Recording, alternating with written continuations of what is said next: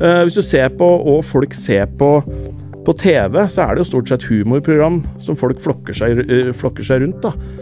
Men det syns jeg liksom vi har glemt litt i norsk presse. da. Vi har liksom hatt noen sånne her perioder der vi skal ha vært så sinnssykt seriøse at vi tør liksom ikke å slippe løs litt på snippen. Det blir så, blir så, blir så alvorlig. It's a disgrace. Dominere mediebildet. A failing Media. pile of garbage. Pause. False and fake, fake, fake, fake, fake, fake. Kanskje er du en av hans eh, over 300 000 følgere på Instagram. Nå har han sagt opp den faste jobben i VG for å bli en slags influenser for lokalavisene på heltid. Velkommen hit til Presspodden, Ken André Ottesen. Tusen hjertelig takk. Mitt navn er Kristine Sterud. Vi skal prate om eh, lokaljournalistikkens eh, rykte, og kanskje vi kan få svaret på hvordan man lager verdens beste forside. Men aller først så skal vi få noen ord fra våre annonsører. Last ned Medier24-appen og bli varslet om de viktigste sakene. Du finner den i AppStore og Google Play. Ken André Ottesen, også kjent som BA-desken på Instagram. I fjor høst så tok du permisjon, men nå er det kjent at du skal slutte helt i VG. Ja, det er jo veldig trist å ikke bli invitert til pressepodden før den blir slutter i pressa. Det, det, det, er trist. Ja da. Nei, men uh, jeg, nå har jeg slutta. Nå har jeg sendt en sånn kort mail og takka for, mail, uh, takka for meg. Uh, så da er det jo på en måte offisielt. Eh, og det er jo litt rart, men det er, jeg tror det er så veldig, eh, veldig overraskende for uh, de som veit at jeg har hatt permisjon og hva jeg har gjort i permisjon og sånn. Så det er ikke noe dramatikk. jeg var jo jeg må, det bildet som ble brukt av meg av Medie24, der ser det ut som det enten er metoo eller grovt underslag, eller begge deler, som gjør at jeg må gå. Men nei, det er veldig udramatisk. Jeg har bare lyst til å gjøre noe annet. Uh, det det er en del som syns det er rart da, at folk sier opp en fast jobb uh, som vaktsjef i VG. For det er jo på mange måter en drømmejobb, og det har det jo vært for meg òg. Det er jo en drømmejobb.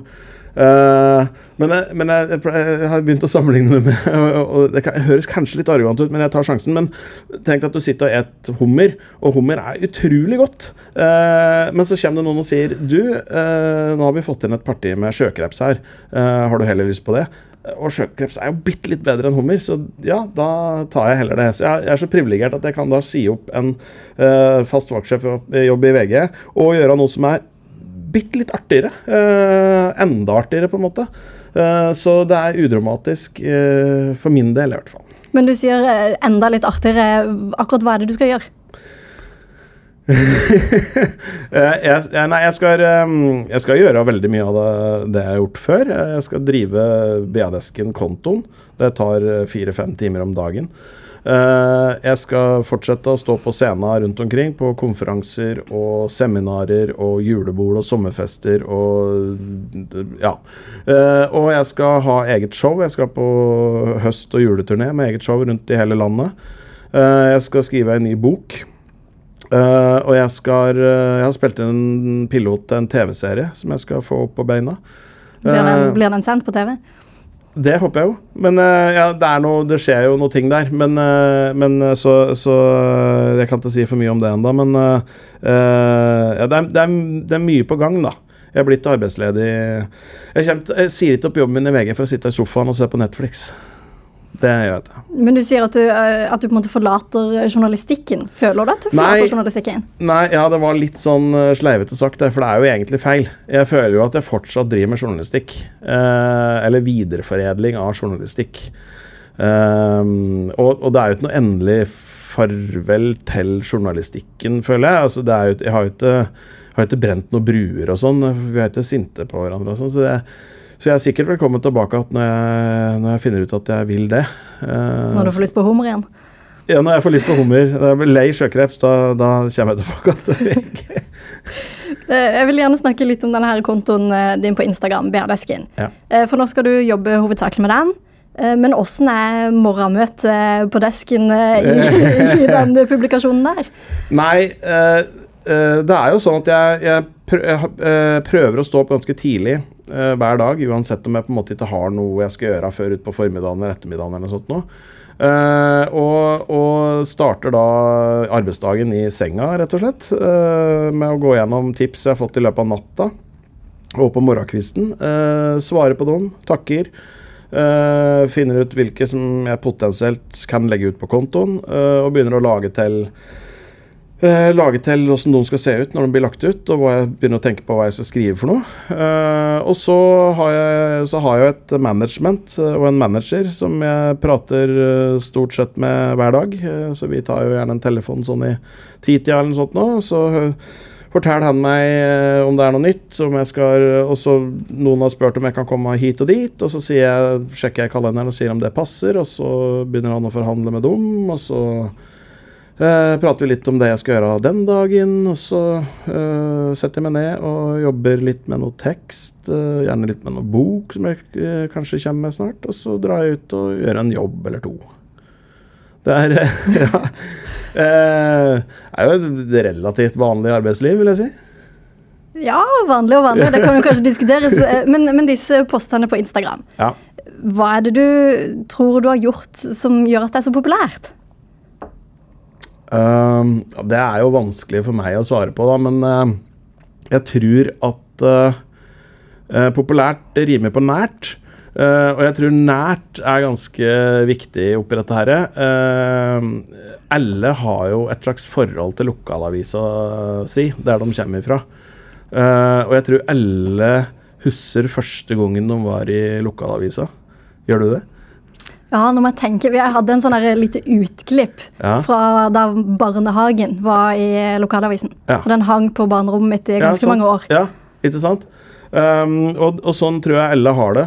Uh, og, ha, og er sterkt knytta til lokalavisa si, og har et uh, ganske sterkt forhold til lokalavisjournalistikk. Og så er det uh, Det handler om helt vanlige folk, da. Uh, det er sjelden influensere og TV-personligheter og kjendiser og sånn på, på min konto. Det er helt vanlige folk som egentlig har opplevd eh, noe eh, vanlig uvanlig, hørte jeg på å si. Eh, Finn en rar potet eller en stor eh, veps eller et eller annet sånt noe. Og det er noe som de aller, aller fleste kan relatere seg til.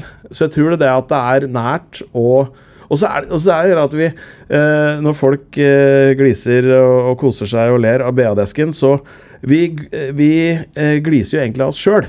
Uh, BA-desken representerer jo liksom den jevne nordmann. Eh, så eh, vi har sjølinnsikt og eh, nok til å tenke at nå dette, dette kunne ha vært meg, eh, og det er litt moro.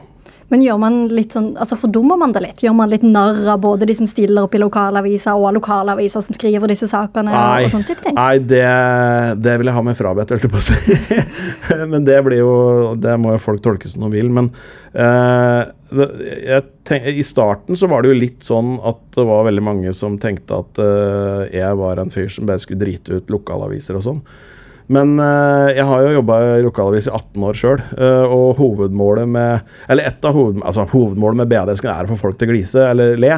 Eh, og, eh, men et av delmåla er jo å vise fram vanvittig svære lokalavisjungelen som finnes i Norge. Altså Vi er i det landet i verden som har flest lokalaviser i forhold til innbyggerantall. Eh, og det blir bare flere, det blir ikke færre. Eh, og det er jo utrolig viktig og fint, eh, og det eh, prøver jeg å vise fram da, på best mulig vis. Og den beste måten å vise det fram på er jo med humor.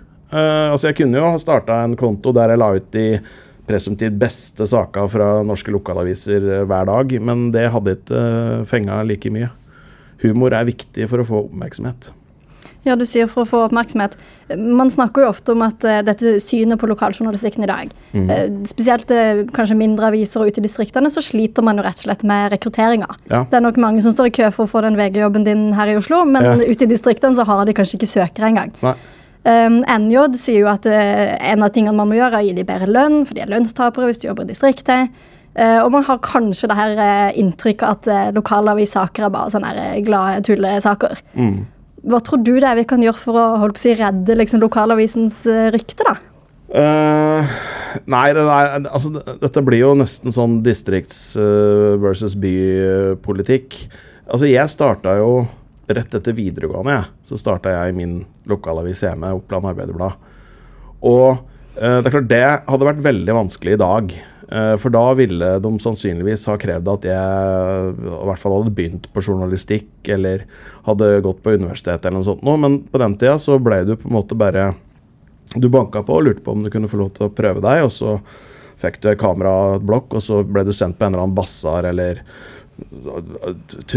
koravslutning eller et eller annet sånt, og så leverte du. Og så hvis du gjorde det noenlunde greit og til når du skulle og uten noe tull, så fikk du enda en jobb, og så balla det på seg. og Til slutt så hadde du jobb, ikke sant. Så jeg hadde jo fast jobb uh, da jeg var 18. Uh, og, og uh, jeg tror eh, Og i dag så er det sånn at hvis du bor på bygda, så drar du inn til byen for å studere. Og da er du på en måte litt sånn tapt for den lokalavisa. Eh, Så jeg tror du må være litt sånn proaktive og hente folk i en tidligere fase. Jeg er ikke imot at folk skal studere, for all del, men da går det jo an å legge til rette for det.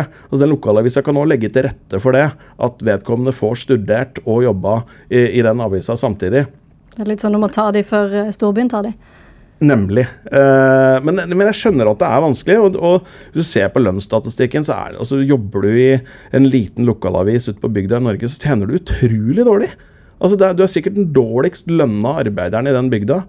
Eh, så, så jeg skjønner at det er vanskelig å rekruttere eh, folk til det. Og, og, og disse her ungdommene som får seg sommerjobb i VG og Dagbladet og TV 2 og NRK og sånn, de tjener jo plutselig enormt med penger da, i forhold til hva de tjener hjemme. Så jeg, jeg skjønner at det er eh, Jeg skjønner at de sliter med, med rekruttering, og jeg syns det er dumt. Da hadde jeg hatt det sånn derre Yes, her er quickfixen, så hadde jeg jo gitt det fra meg. Men Jeg hadde fløyet ned til landslaget for lokalaviser eller på Pressens Hus og bare Vær så god, her er løsninga! Jeg skal ikke ha noe for det, bare ta det.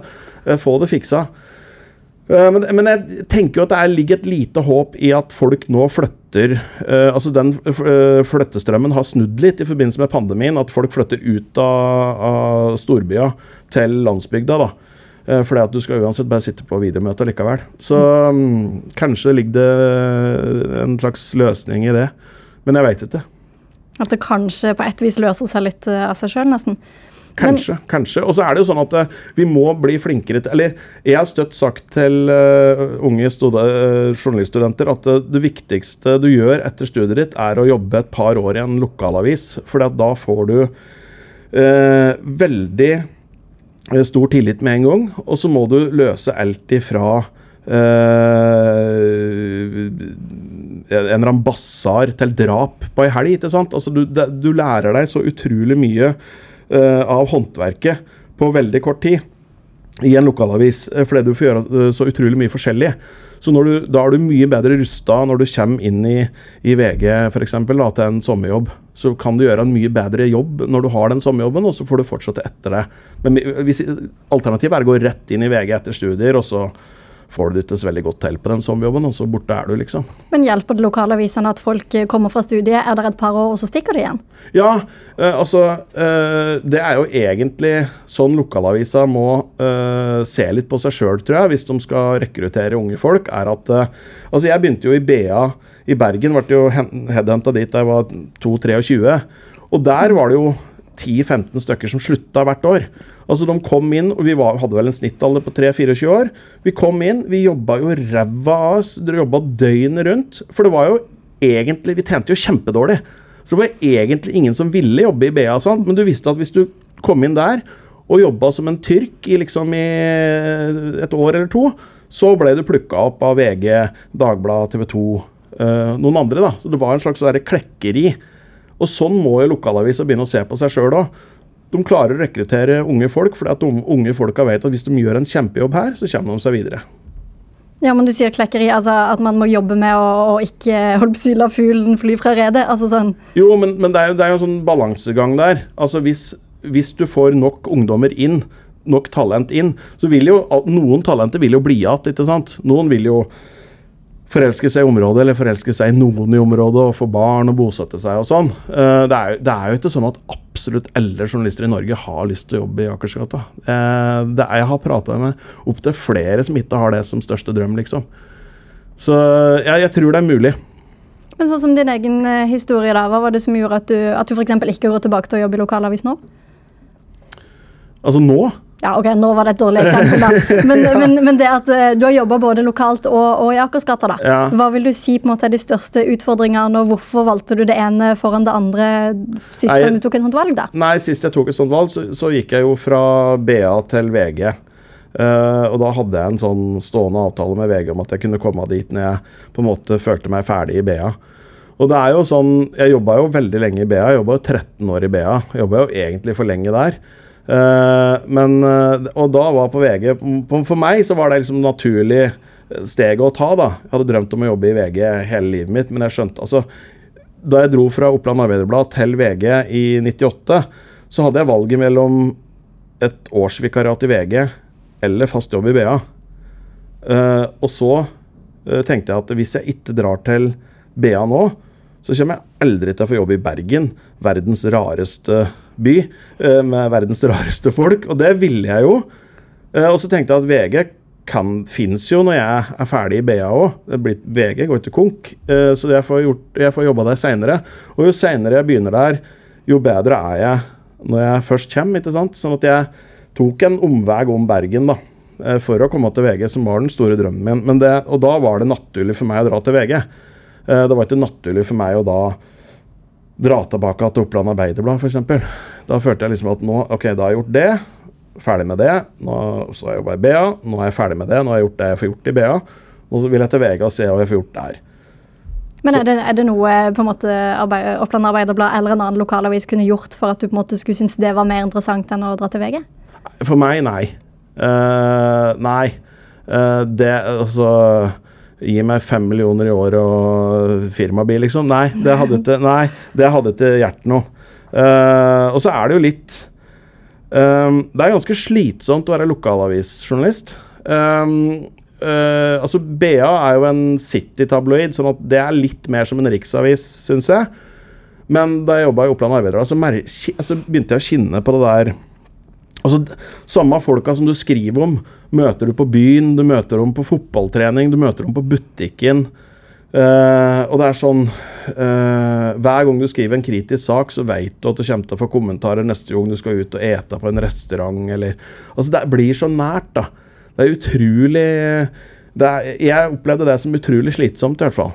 Uh, og ikke noe som jeg ønsker meg tilbake til i det hele tatt, egentlig. Det tror jeg Eller jeg tror Jeg, vet jo at alle riksaviser vet at det er sånn, for det er jo ingen riksaviser som begynte karrieren sin i riksavis. Eller det fins vel noen, da, men de aller fleste har jo jobba i en lokalavis først.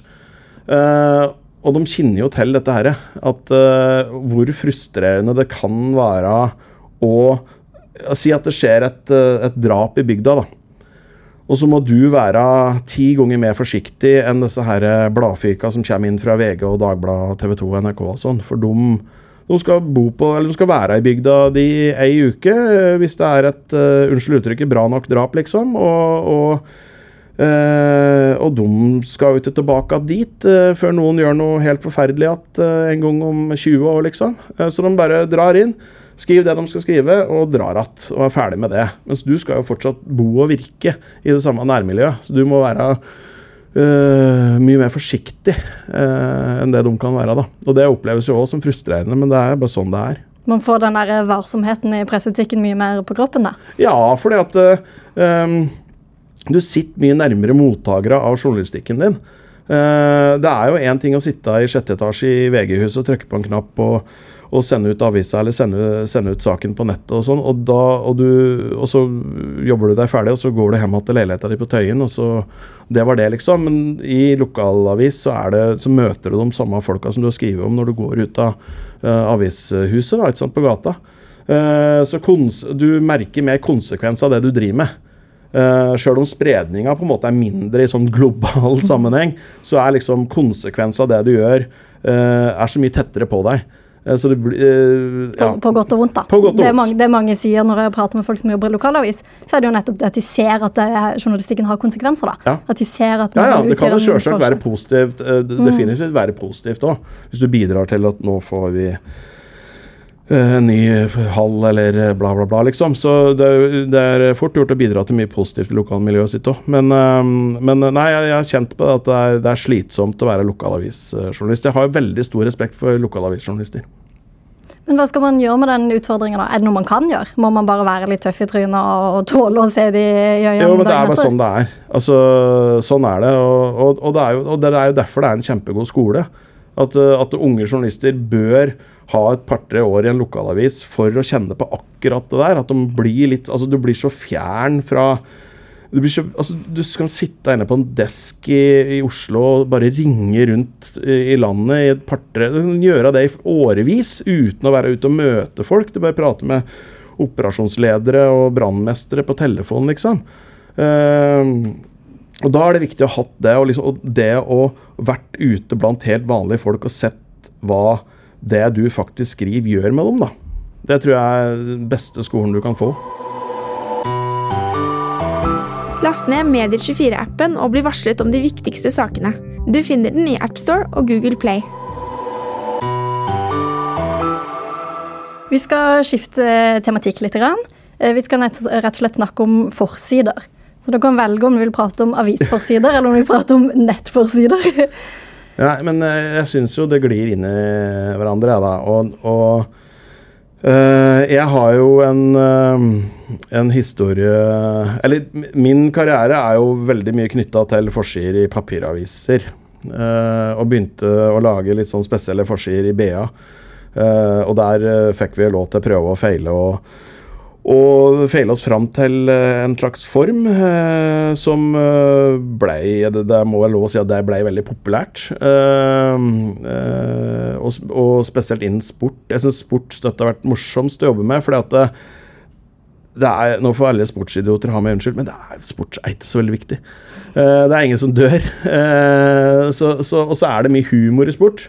Og mye følelser. Uh, det, og, og du må også liksom spille på følelser på første side òg. Så, um, så jeg har fått lov til å lage Laga veldig mange fine førstesider, uh, støtt i samarbeid med veldig flinke designere. Og det fortsatte jo for så vidt med når jeg kom til VG. Men da ble det nok litt mer sånn eh, I BA så var det hjemme alene-fest. Uh, frihet under ansvar-greier. Men uh, i VG så er det jo litt mer alvor, da. Altså det, det, det, skal jo litt mer til for å få til liksom de mest spinnville ideene. Men hvil, hvilken idé er det du har hatt som du har tenkt sånn Å, dette vet jeg egentlig ikke om jeg får lov til, men nå gjør jeg det likevel.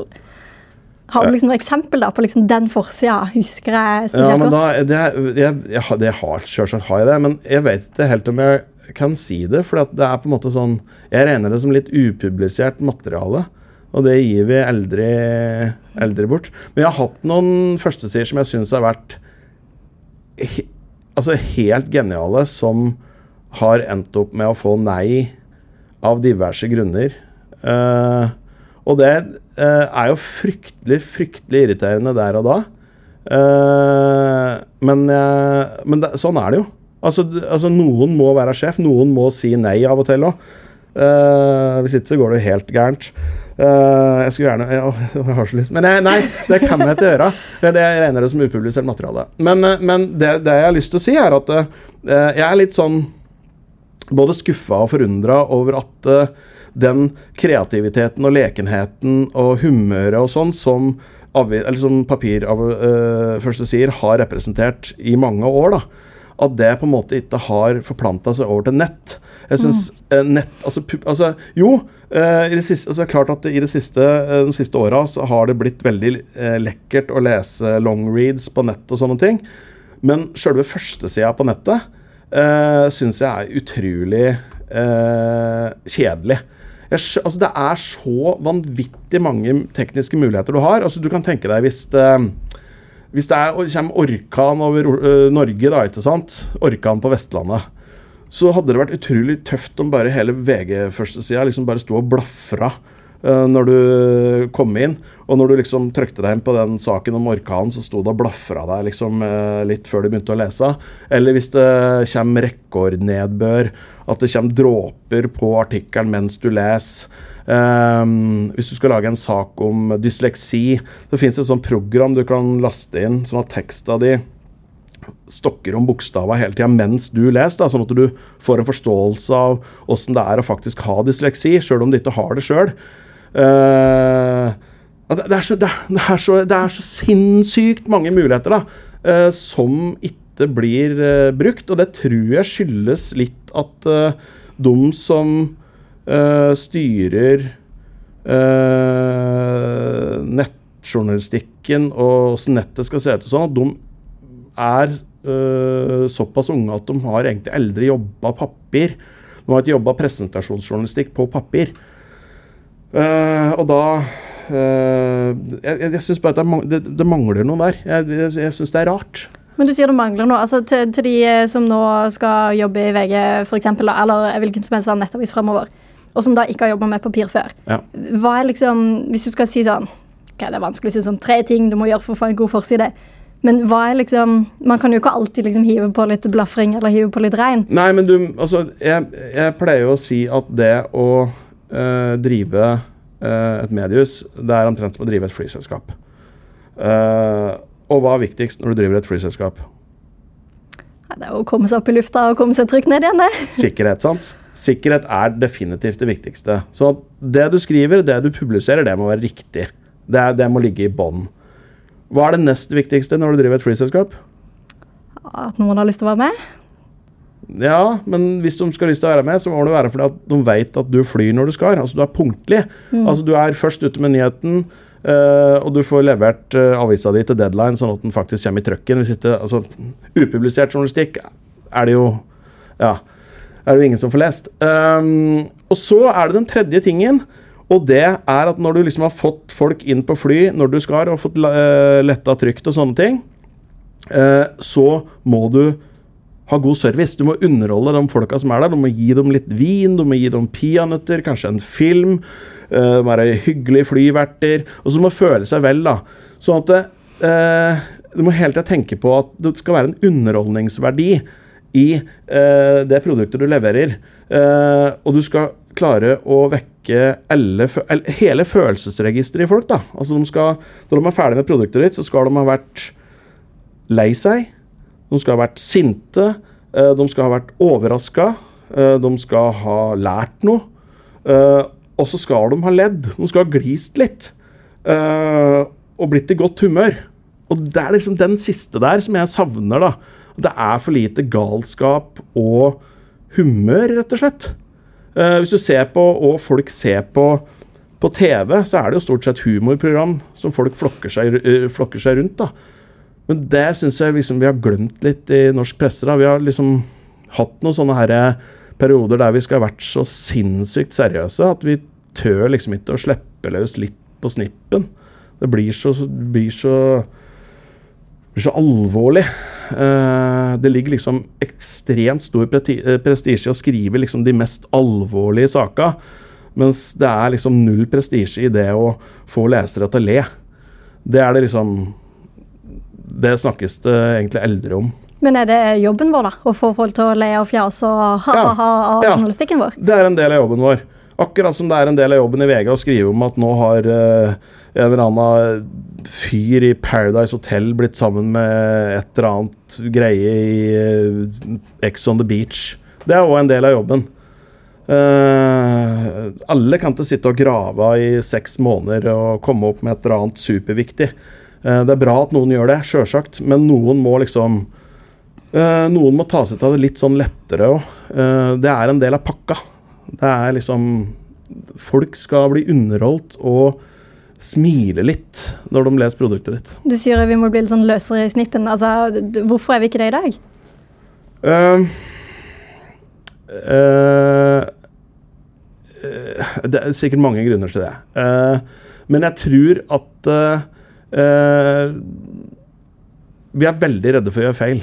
Altså, jeg, jeg har et sånn livsmotto eh, som uh, Det er egentlig Michael Jordan sitt, men jeg har oversatt det til norsk, så da er det litt mitt. Eh, Og til da. dialekt, så da er det Ja. greit. Nei, men, uh, men det er jo altså Frykten for å mislykkes må aldri bli større enn ønsket om å lykkes.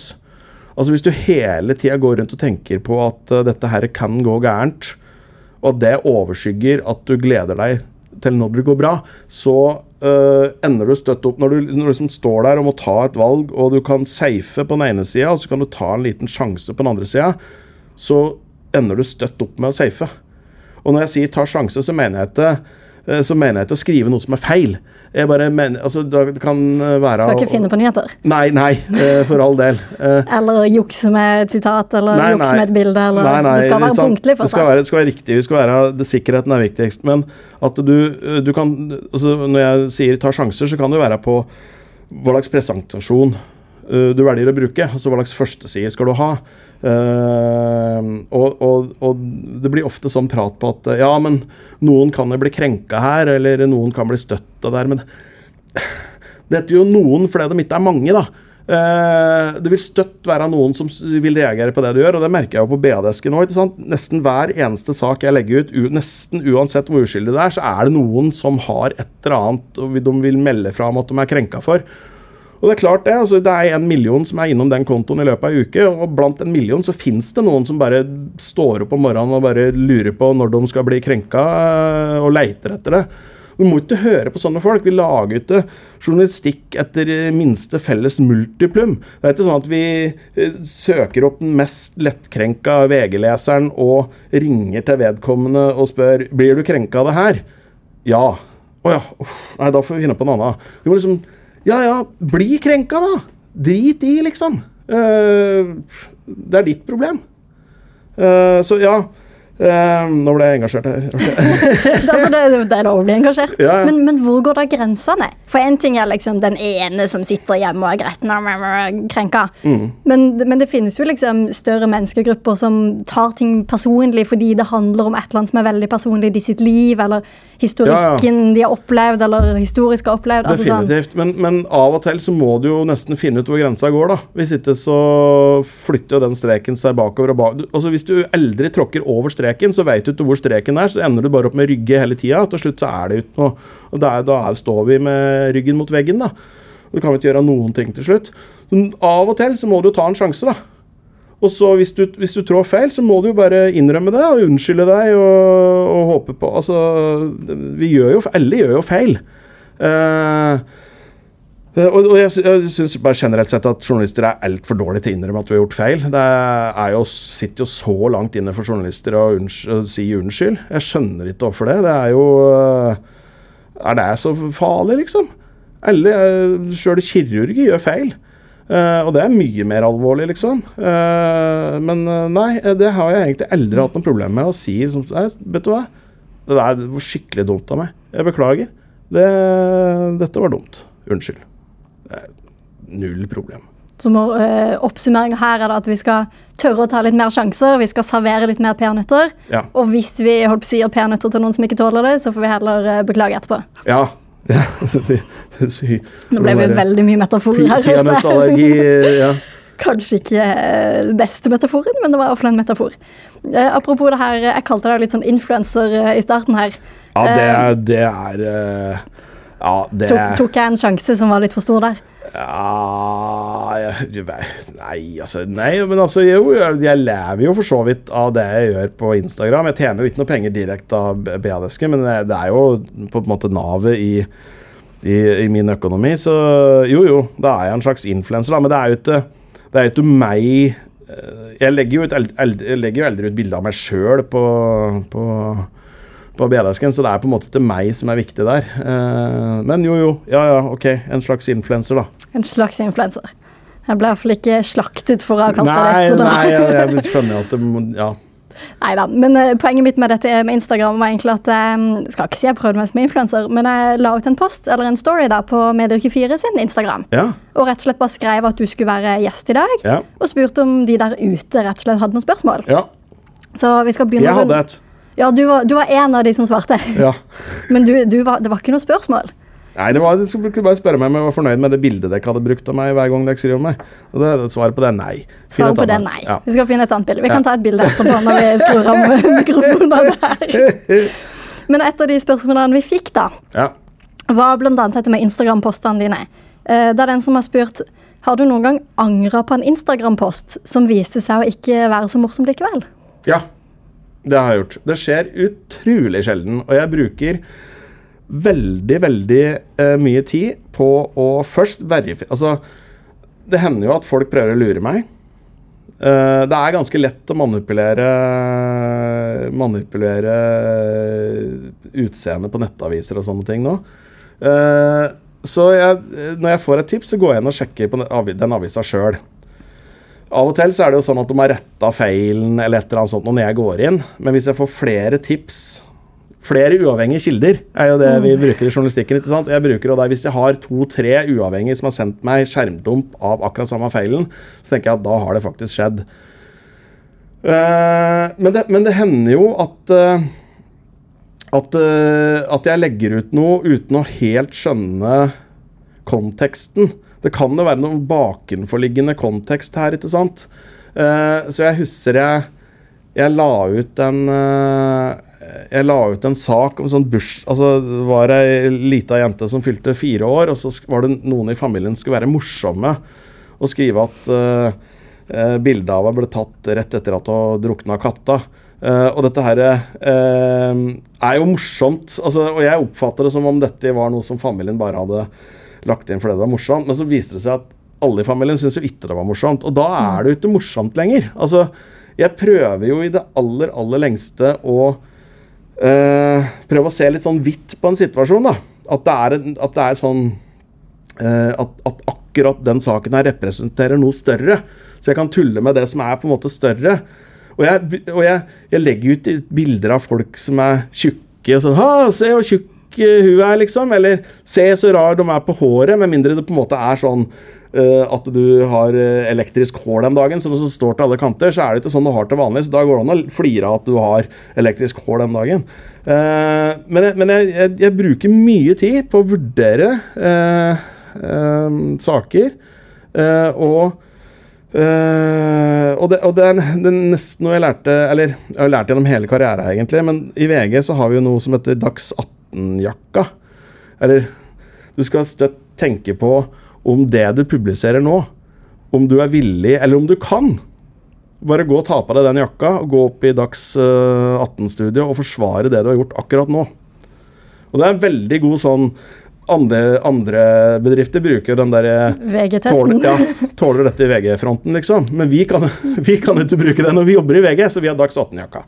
Uh, og, og kjempefin tankegreie. Sånn at når jeg poster ting, så tenk, er jeg villig til å forsvare dette her etterpå. Og hvis jeg ikke er det, da må jeg bare la være, da. Men det er utrolig få klager jeg har fått. Altså Jeg har lagt ut nesten 10 000 saker, og det er under ti som jeg på en måte har fått sånn direkte tilbakemelding, klage på. Eh, Men har du sletta de, da? Eh, jeg er ikke vrang på sletting.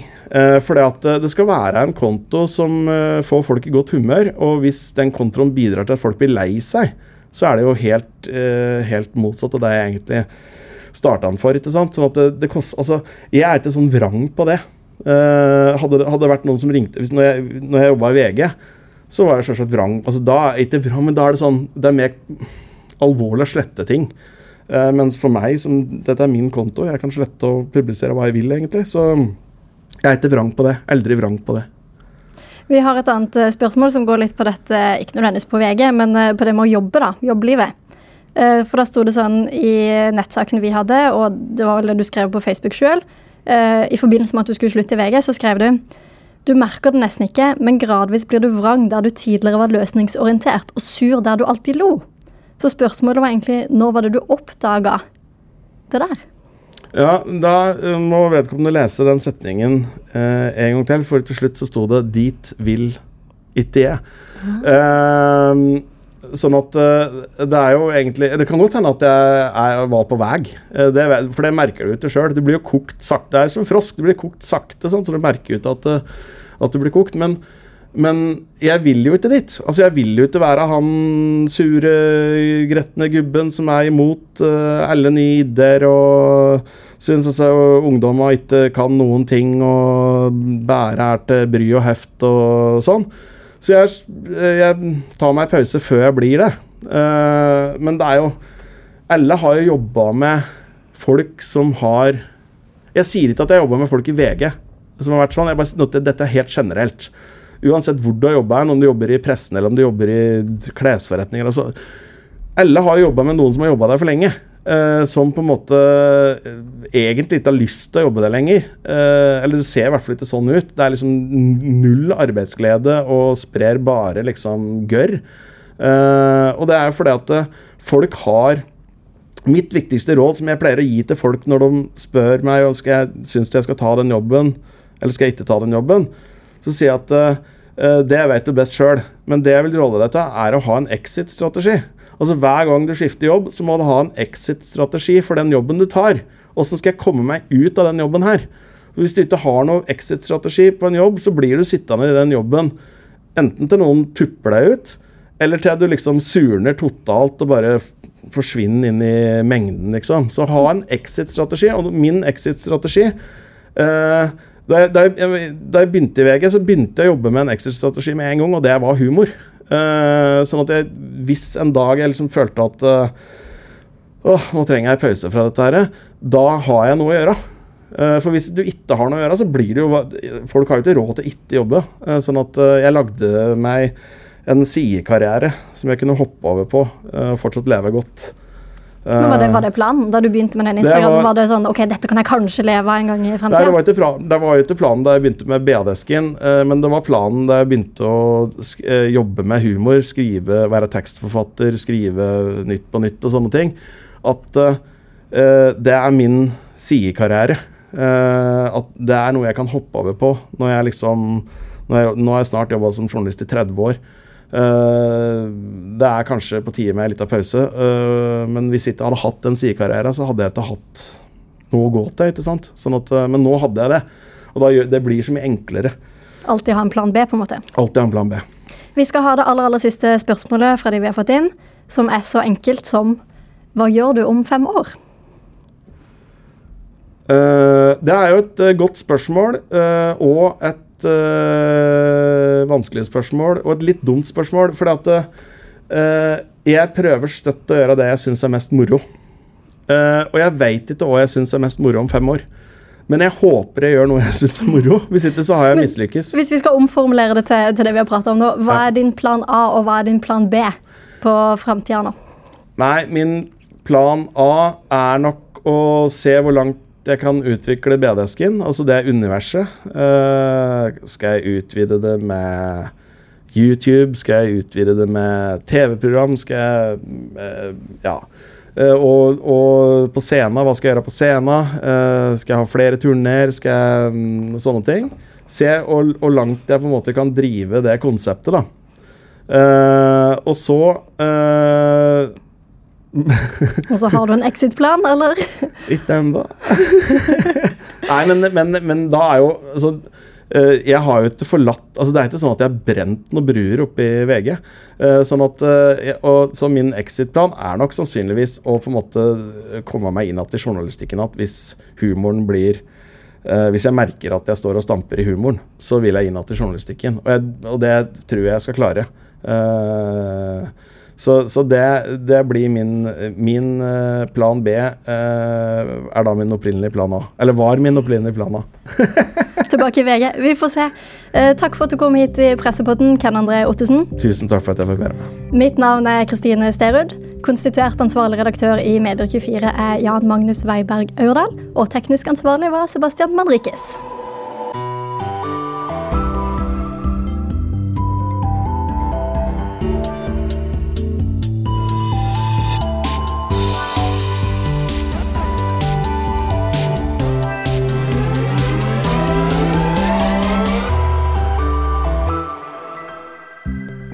Last ned Medier24-appen og bli varslet om de viktigste sakene. Du finner den i AppStore og Google Play.